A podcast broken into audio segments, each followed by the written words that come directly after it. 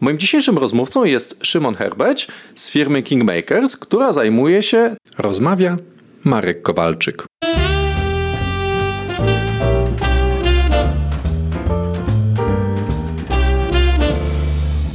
Aby dowiedzieć się więcej, odwiedź mój blog projektynaczas.pl. No właśnie, Kingmakers, czyli tworzenie królów. To mi się kojarzy z jakimiś intrygami pałacowymi. Myślę, że nazwa nie jest e, przypadkowa. Kingmakers to jest dokładnie nazwa, która mówi i o nas, i o naszych klientach. E, w podtytule my mamy We Craft Queens and Kings, czyli tak naprawdę pomagamy liderom na różnym poziomie e, rozwoju i w różnych poziomach organizacji tworzyć z siebie królów i tworzyć królów i królowe w swoim otoczeniu. No od razu y, skojarzenie gra o tron, intrygi pałacowe i tak dalej. To też tym się zajmujecie? Mamy takie podejście, które mówi, że są dwa sposoby budowania właśnie królestwa. Możesz być królem albo królową i dbać o to, żeby twoje królestwo było nie najeżdżane, nie łupione i w dobrostanie. Albo możesz zająć się byciem kingmakerem albo queenmakerem i dbać o to, żeby Być królestwa cieniu, wokół ciebie się trochę. rozwijały. Momentalnie buduje ci się bufor, momentalnie buduje ci się network ludzi, którzy są wdzięczni i pracują razem z tobą i dla ciebie i dla siebie. I to jest coś, co my proponujemy. A brzmi to bardzo ciekawie, e, ale tematem naszego dzisiejszego spotkania jest taki ca- case przypadku, jak to się mówi.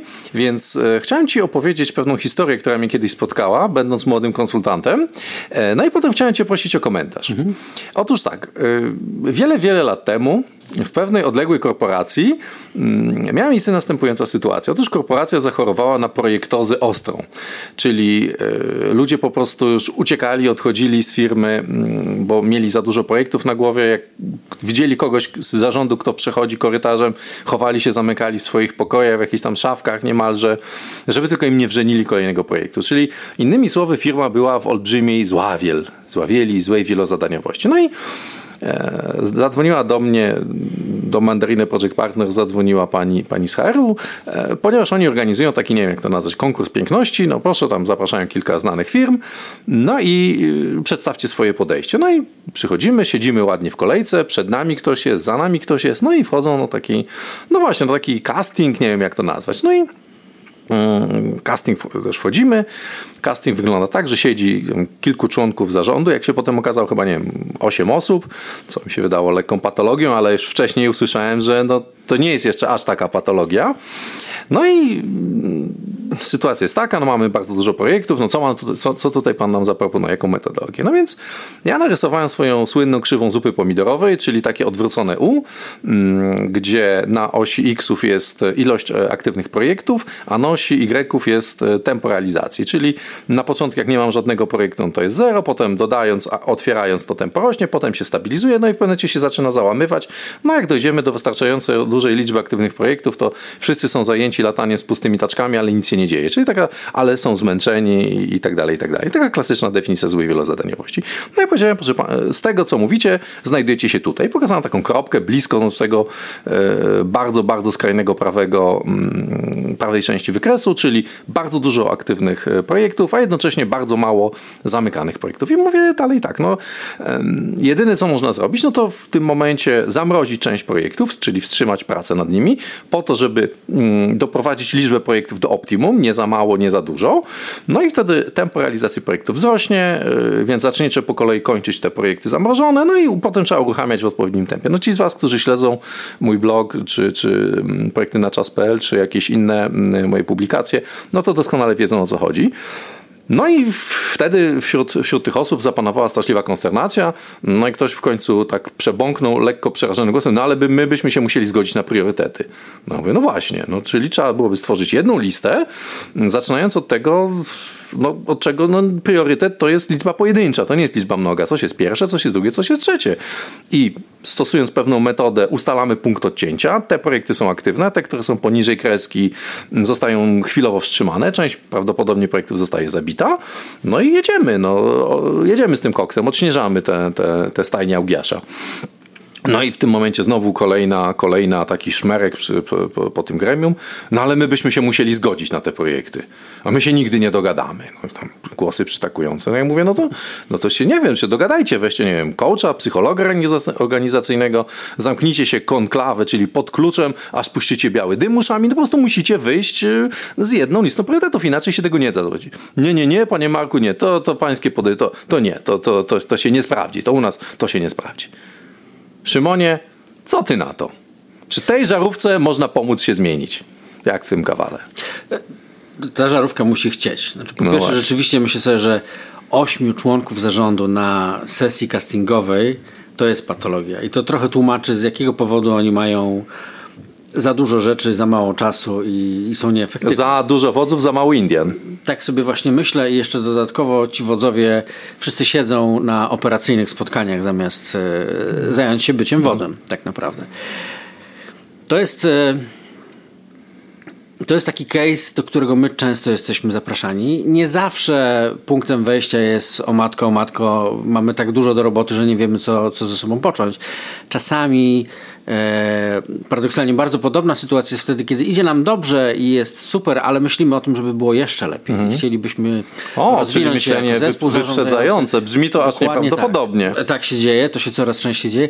Czasem e, sygnałem do tego, żeby zacząć pracować jest zadzwonił do nas ktoś z regionu, zadzwonił do nas ktoś z Globala i musimy e, w przyszłym roku mieć dwa razy lepsze wyniki. Mhm. Pomagajcie.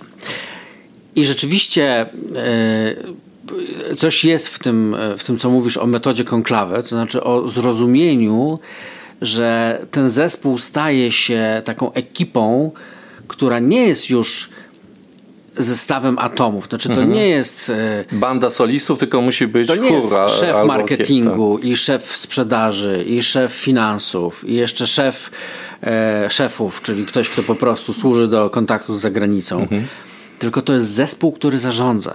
To znaczy, że to są Z naciskiem ludzie, na zespół. Zespół, zespół przez duże Z. zarządza, czyli to są ludzie, dla których priorytetem jest zarządzanie firmą. A firmą, firm, tak, a nie swoim firmą. silosem. Ich teamem takim e, ojczyźnianym mhm. powinien być team e, zarządowy. Mhm. To jest bardzo trudne do zrozumienia, bo oni wchodzą na salę pracować z nami w różnych formach, coachingach zespołowych, e, coachingach indywidualnych, no, bo, bo rozmawiają z nami i mówią, no bo ja, mój team to są moi sprzedawcy i ja. Mhm. Mój team to jest. E, Czyli identyfikacja jest z własną funkcją, z Oczywiście. własnym silosem, a nie z. Oczywiście, no, to się nie bierze znikąd. Oni mhm. lata całe tak się identyfikują. Czyli taki poziom wręcz wyrośli. tożsamości. Oczywiście wyrośli stamtąd. To jest normalne. Natomiast w którymś momencie. I to o tym bardzo ciekawie mówi Patryk Lencioni w, w swojej książce o pięciu dysfunkcjach zespołów. E, i on mówi właśnie o tym, że no w którymś momencie musicie zrozumieć, że wasza tożsamość leży w tym zespole, w którym teraz pracujecie i w teraz się rozwijacie.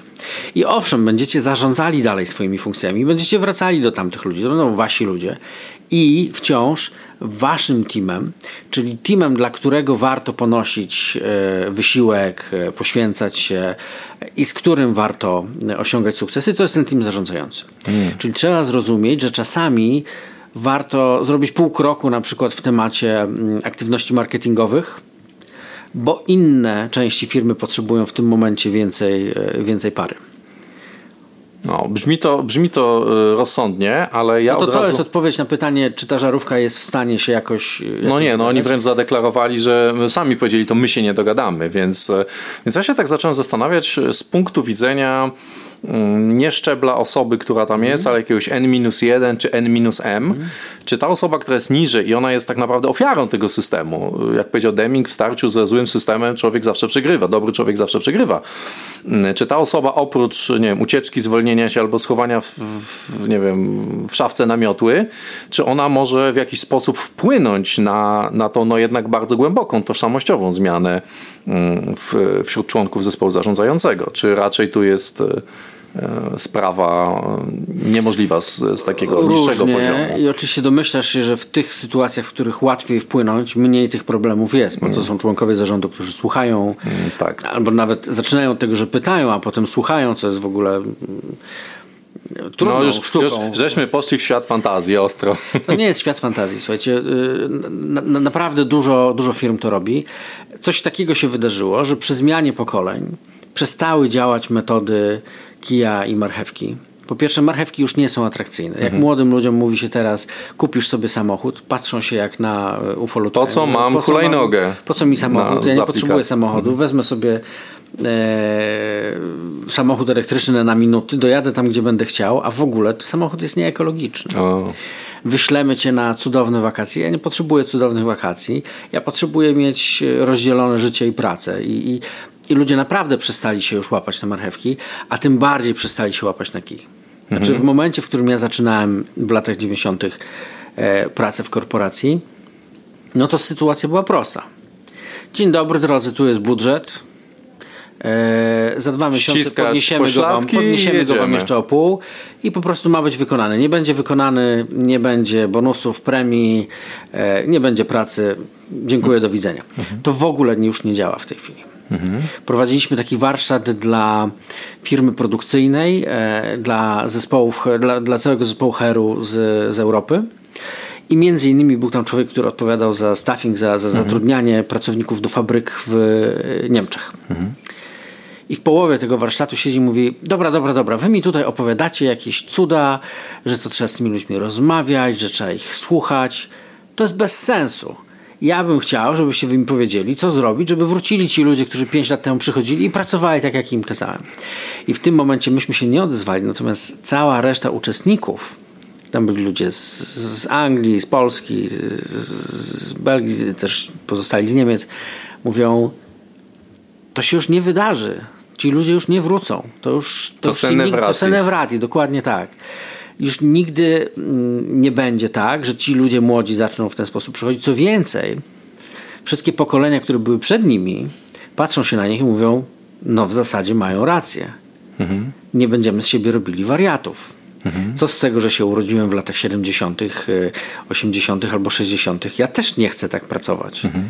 I po prostu wszyscy mówią, trzeba zmienić sposób e, zarządzania. I jedyna rzecz, która działa, taka, którą mamy naprawdę sprawdzoną i, i, i przetrenowaną, to jest e, zarządzanie przez dialog. Znaczy prowadzenie rozwojowego dialogu, gdzie jest miejsce na tą drugą osobę tak jak o tym mówisz, to ja sobie wyobraziłem, że, że to była, tak jak wspomniałem, sytuacja sprzed wielu lat, że teraz to by w ogóle to nie przeszło, bo ci po prostu wszyscy ludzie strzeliby papierami do widzenia. Więc e, wydaje mi się, że takiego natężenia tej patologii zarządczej to po prostu by do tego nie doszło, bo, bo, no bo nie byłoby, e, król byłby sobie siedział sam w swojej sali no tronowej. Mógłby, nie ma już pracowników. No dokładnie, do nocnika mógłby sobie tak gadać, takie, takie strzelać gadki. No ale, ale załóżmy, że gdzieś jeszcze jest mhm. taka sytuacja, to czy ja będąc jak pijany do płotu będę wracał do tego mojego pytania, będąc będąc y, tą osobą z niższego poziomu, czy ja jakoś mogę, nie wiem, oświecić, nie wiem, jakoś bić dzwony, kadzidełka palić, nie wiem, jakieś modlitwy są specjalne coachingowe. Jak ja mogę wpłynąć, mm, nie mając kontroli? w takiej, jeszcze w takiej bardzo delikatnej sprawie. Czy to w ogóle jest możliwe? Czy warto umierać za Gdańsk? Czy lepiej po prostu pójść tam, gdzie, gdzie, gdzie tego nie ma?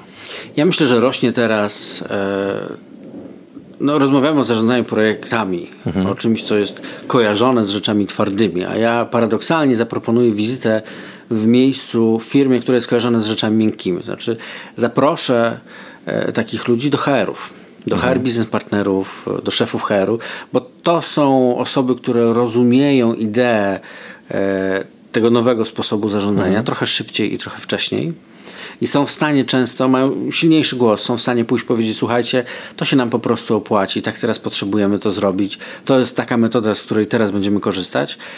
To jest droga dojścia. Czyli, czyli nie samemu walczyć, tylko pójść no można powiedzieć troszeczkę ze skargą na w cudzysłowie rodziców do HR biznes partnera i w ten sposób jakby wyciągnąć e, te pieczarki z ognia cudzymi rękami. Dokładnie tak. Poza tym regularnie, słuchajcie, w firmach odbywają się e, badania zadowolenia pracowniczego. I to jest miejsce, w którym się po prostu mówi. To nam pasuje, to nam nie pasuje. Myślę, że e, bardzo silnym aliantem takich osób jest rynek. Znaczy mhm. rynek po prostu mówi, te firmy, które dbają o swoich pracowników, te, które ich słuchają, te, które z nimi rozmawiają, wymagając, jednocześnie, to są te, które, które, które dobrze pracują. Jest taka fajna strategia, ona się bierze z, z gier RPG, Mhm. E, dla tych z, ze słuchaczy, którzy nie wiedzą, co to jest, to chodzi o jakieś, e, rzuca się dziwną kostką i są dziwne figurki na dziwnej planszy, generalnie smoki, jakieś cuda Można na kiju. być elfem, albo kosmitą, hmm. albo jeszcze tam kimś innym. Można grać na planszy, na, przy ognisku. E, RPG albo, to chyba role-playing role games. Playing games, tak. Hmm. Albo, albo, albo, albo kiedyś e, w internecie. I to było świetne miejsce do tego, żeby zrobić badania, jak funkcjonują ludzie, jakie strategie działają. Mhm. I okazało się, że jest taka strategia, która się nazywa www. E, wymagaj, wspieraj, wybaczaj. O. Czyli strategia, która mówi, stawiaj wysokie wymagania. To, że te nowe pokolenia teraz przyszły, to nie znaczy, że możemy im na wszystko pozwalać i mówić, mhm. dobra, róbcie sobie co tam chcecie, jak będziecie mieli ochotę popracować, to miło. Nie, stawiamy im wysokie wymagania, potem ich wspieramy, naprawdę wspieramy i to wspieramy nie w taki sposób, w jaki nam wygodnie, tylko w taki, jaki, on, jaki im odpowiada.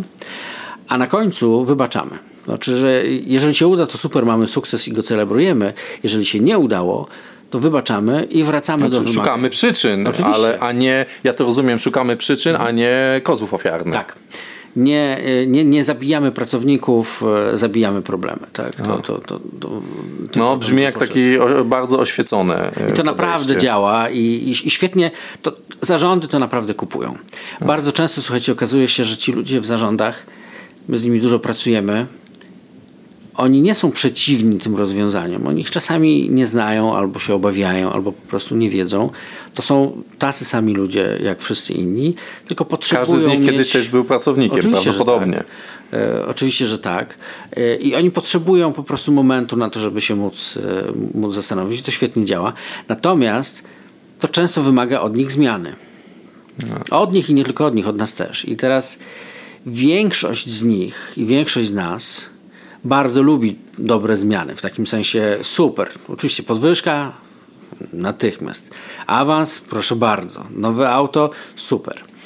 E, lepsi pracownicy, bardziej zmotywowany zespół, mniejsza, e, mniejsza fluktuacja. Super, wchodzę w to od razu. Tylko pytanie, czy oprócz chęci, która jest bardzo ważna, po tej stronie uczestnika tego rozwoju jest jeszcze gotowość do tego, żeby za to zapłacić.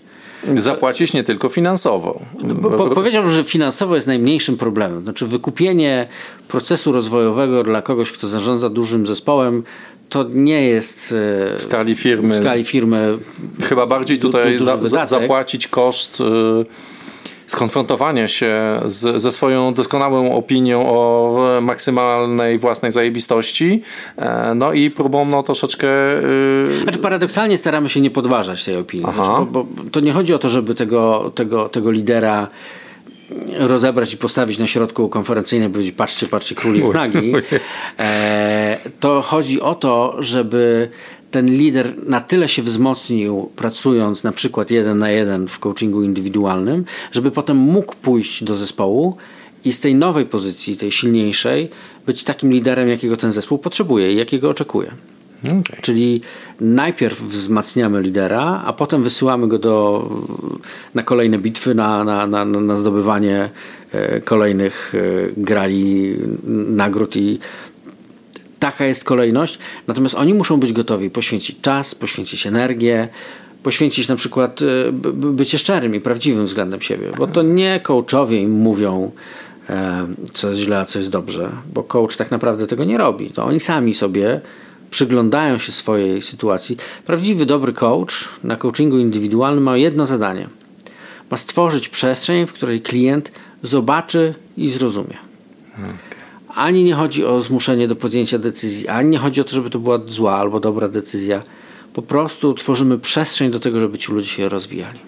Okej. Okay. Um Pytanie teraz takie, zmierzając e, powoli mm, w stronę zakończenia naszej rozmowy, mm, przypomniała mi się taka sentencja, którą czasami powtarzam, że zarządzanie projektami nie istnieje, bo nie można zarządzać rzeczownikami abstrakcyjnymi, jest tylko praca z ludźmi. I chyba to, co mówisz, bardzo wyraźny sposób wspiera taką tezę. E, nawet w takim z pozoru twardym procesie, którym jest e, ustalenie priorytetów projektów i potem zamrożenie, odmrażanie w tempie wychodzenia projektów z integracji, komunikacji, to wszystko brzmi tak bardzo technicznie, ale jednak gdzieś zawsze na dnie tego są ludzie, są, jest tych ośmiu wspaniałych, którzy, którzy mówią, no ale my się nigdy nie dogadamy, więc e, to czy chciałbyś to jakoś skomentować? To jest coś, o czym sobie myślałem dzisiaj rano, jak jechałem e, na, na tę rozmowę, że to są takie no, jak bardzo byśmy nie chcieli, żeby tak nie było, to w rzeczywistości w tej chwili są dwa światy. Jest taki świat nazwijmy go umownie twardy, zarządzania projektami, macie swoje stowarzyszenia, macie swoje certyfikaty, macie swoje e, project management booki, wszystkie reguły.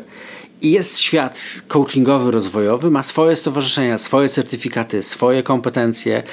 I tym światom się wydaje, że one mogą być tak zupełnie w oddali i w zasadzie, że są niezależne.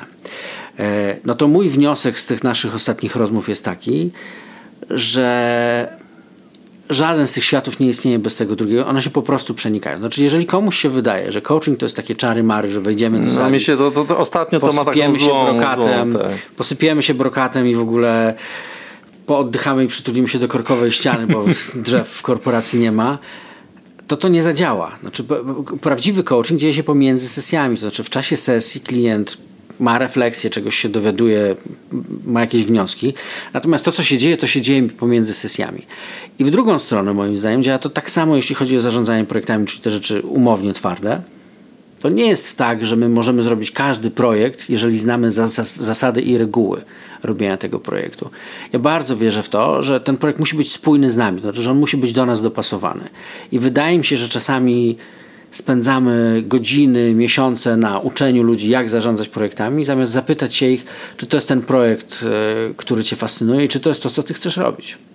Dziękuję Ci bardzo za tę rozmowę. E, je, jeżeli e, słuchacze chcieliby Cię znaleźć, to gdzie mają Cię szukać? Myślę, że najłatwiej wpisać w LinkedIn Szymon Herbeć. Jestem przez Samo H. Przez Samo H. E, jestem współwłaścicielem firmy Kingmakers. Podobno to jest nazwa, która wpada w ucho, więc e, szukając Kingmakers też na pewno na mnie traficie. Dziękuję Ci bardzo Dziękuję za rozmowę. Serdecznie. Rozmawiał Marek Kowalczyk. Aby dowiedzieć się więcej, odwiedź mój blog projektynaczas.pl